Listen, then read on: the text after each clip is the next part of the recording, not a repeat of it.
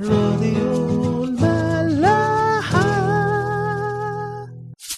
اديتور دعم.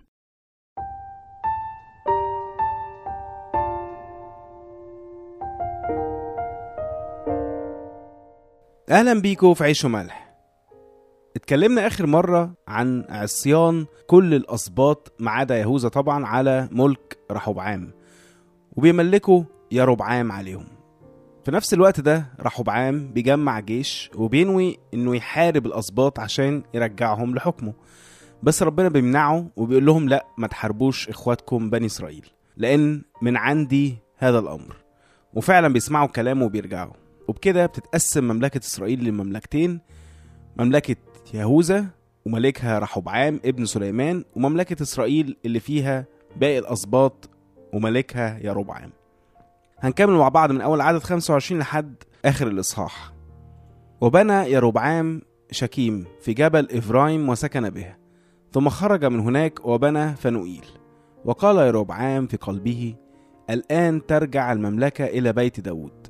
إن صعد هذا الشعب ليقربوا ذبائح في بيت الرب في أورشليم يرجع قلب هذا الشعب إلى سيدهم إلى رحبعام ملك يهوذا ويقتلوني. ويرجعوا إلى رحبعام ملك يهوذا. فاستشار الملك وعمل عجلاي ذهب وقال لهم كثير عليكم أن تصعدوا إلى أورشليم.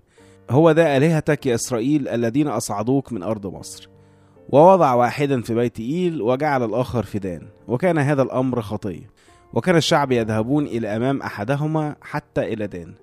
وبنى بيت المرتفعات وصير كهنة من أطراف الشعب لم يكونوا من بني لاوي. وعمل يروبعام عيدا في الشهر الثامن في اليوم الخامس عشر من الشهر. كالعيد الذي في يهوذا وأصعد على المذبح. هكذا فعل في بيت إيل بذبحه للعجلين اللذين عملهما. وأوقف في بيت إيل كهنة المرتفعات التي عملها وأصعد على المذبح الذي عمل في بيت إيل في اليوم الخامس عشر من الشهر الثامن في الشهر الذي ابتدعه من قلبه. فعمل عيدا لبني إسرائيل وصعد على المذبح ليوقد. وبيخلص الإصحاح كده. قبل ما نتكلم عن الحصل ده لازم بس نعلق على حاجة كده عشان نبقى فاهمين. موضوع العجلين الذهب أو عامة كل العبادات الوثنية اللي كانت بتطلع في الوقت ده. لازم نبقى عارفين إنها ما كانتش بالشكل السطحي اللي إحنا طول عمرنا بنشوفه في الأفلام أو في أي قصص انه راح بيسيب ربنا الحي وبغباء شديد بيروح يعبد تمثال أصم. لا هي طبعا ما بتبقاش بالشكل ده وإن كانت دي النتيجة في الآخر إنما هي كانت دايما بتتعمل بدافع تاني أو منطلق تاني إنه الحاجات دي هي بتمثل ربنا برضه. بس عشان ربنا غير منظور وغير ملموس فالإنسان بيحاول دايما إنه يعبد حاجة شايفها وحاسسها. فحتى العجلين دول كانوا بيعتبروا نوع من التجسيد لعبادتهم لربنا. وده كان تأثرا بقى بالشعوب اللي حواليهم برضه. وصدقوني ده مش بعيد عننا. إحنا برضه كتير قوي بنتأثر بالعالم وبنعمل لنفسنا آلهة نعبدها على أساس إنها ربنا بس هي مش ربنا. فلازم نبقى عارفين كده إن أي حاجة بتبقى زي وسيط بيننا وبين ربنا دي صنم. ممكن يكونوا ناس بعتمد عليهم نفسيا واجتماعيا ويمكن حتى روحيا كأنهم ربنا. ممكن تكون حاجات باخد منها الثقة اللي المفروض آخدها من ربنا. ممكن تبقى حتى اجتماعات أو خدمات في الكنيسة بحس جواها بالأمان والخلاص اللي هو برضو المفروض يكون بس في ربنا. فصدقوني إحنا عندنا بدل العجلين الذهب دول مية. والطريقة الوحيدة لهدمهم هو ببساطة بناء علاقة شخصية بيني وبين ربنا. حتى لو من خلال حاجات فيها ناس تانية معانا من خلال جماعة المؤمنين اللي إحنا فيها.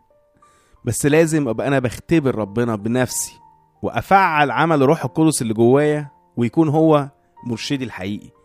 من خلال حد من خلال حاجة مش من خلال أي حاجة أصلا مش مهم. هو اللي لازم يكون مرشدي ومصدر ثقتي وصمام أماني. آخر ثلاث أعداد في رسالة يوحنا الأولى الاصحاح الخامس بتقول كده. نعلم أننا نحن من الله والعالم كله قد وضع في الشرير. يعني بالتالي أي حاجة نعتمد عليها من العالم ممكن يمسها الخطية. ايا كان الشخص ده مين أو ايا كانت المؤسسة أو الحاجة دي إيه. ونعلم أن ابن الله قد جاء وأعطانا بصيرة لنعرف الحق. ونحن في الحق في ابنه يسوع المسيح. هذا هو الإله الحق والحياة الأبدية. وآخر آية بقى في الإصحاح وفي الرسالة كلها أيها الأولاد احفظوا أنفسكم من الأصنام. نرجع بقى للي حصل على بعضه. لو بصينا كده هنلاقي إن كل اللي حصل ده حصل بسبب حاجة واحدة بس أو حصل على حس حاجة واحدة بس. كلمة قال في قلبه. الكلمة دي معناها من الآخر كده إن هو فكر مع نفسه. شوف الموضوع بسيط إزاي؟ بس مفيش مرة هتلاقوا الكلمة دي في الكتاب المقدس وهتلاقوا حاجة عدلة حصلت بعد كده. يعني يا ربعام كان راجل واخد نبوة كده من ربنا إنه هيملك على إسرائيل. يعني كأنه واخد قرار ممضي من ربنا بملكه. إزاي يوصل للمرحلة دي بعد كده؟ كل ده عشان فكر لوحده. لما فكر لوحده خلاص بعد بقى عن ربنا. خاف. فأول حاجة حصلت له خاف. خاف على الحاجة اللي جاية له من ربنا أصلا. فابتدى يفكر إزاي يحتفظ بيها. وأدي تاني مشكلة. نسي إن الحاجة دي بتاعت ربنا مش بتاعته هو. فربنا هو اللي هيحافظ عليها مش هو نفسه. وبعدين استشار. استشار مين بقى؟ طبعا ناس مش من ربنا برضه وخلاص بقى هنلاقي الموضوع دخل في السياسة 100% أنا عندي ناس ودولة عايز أحافظ عليها وعلى هيبتها ما ينفعش إن أنا أسيبهم يروحوا لدولة تانية ومش لأي دولة لأ دي الدولة المعادية. وفكر بقى لحسن يرجعوا في كلامهم ويتوحدوا تاني وأطلع أنا من المولد بلا حمص. لأ مش بس كده لأ ده أنا هطلع خاين كمان وهيقتلوني. فلأ أنا هشوف إيه الحاجة اللي هما ممكن يسافروا عشانها دي وأنا اعملها لهم هنا. هناك عندهم إله هعمل لهم هنا اتنين. عندهم هناك مسبح هعمل لهم اتنين. عندهم إيه كهنة من سبط لاوي هعمل لهم كهنة من كل إسرائيل. مش عايزين سبط لاوي في حاجة. حتى الأعياد اللي عندهم هعمل لهم أعياد في أوقات تانية. وبس كده خلاص. عمل عبادة تانية موازية للي موجودة في أورشليم عنده في إسرائيل. وكده كل مشاكله اتحلت. وكل اللي حصل ده سببه أو اللي خلاه يحصل هو إنه قال في قلبه. أو زي ما قلنا فكر مع نفسه لوحده من غير ربنا.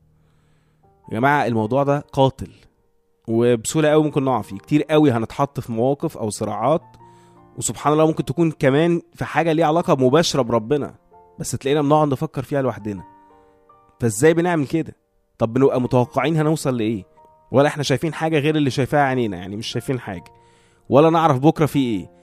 وأي إرشاد لينا هو نابع من جوانا مش من ربنا يعني غالبا هيكون كله شر.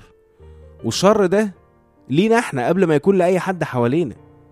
هو اللي عمله يا ربعام ده ضر الناس بس لا ضره هو الأول.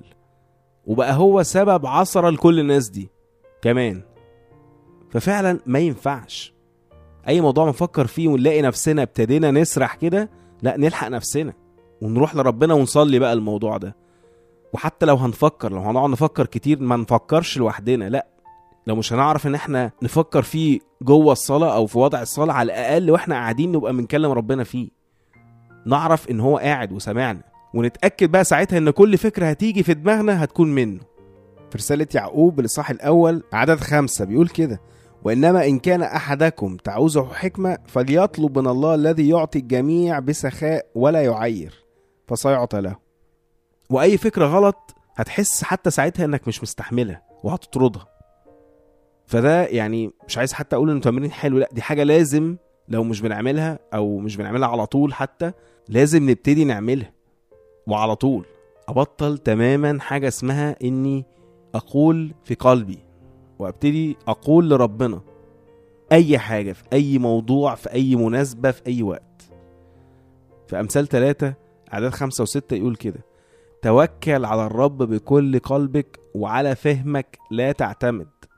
في كل طرقك أعرفه وهو يقوم سبلك. نشوفكم الحلقة الجاية.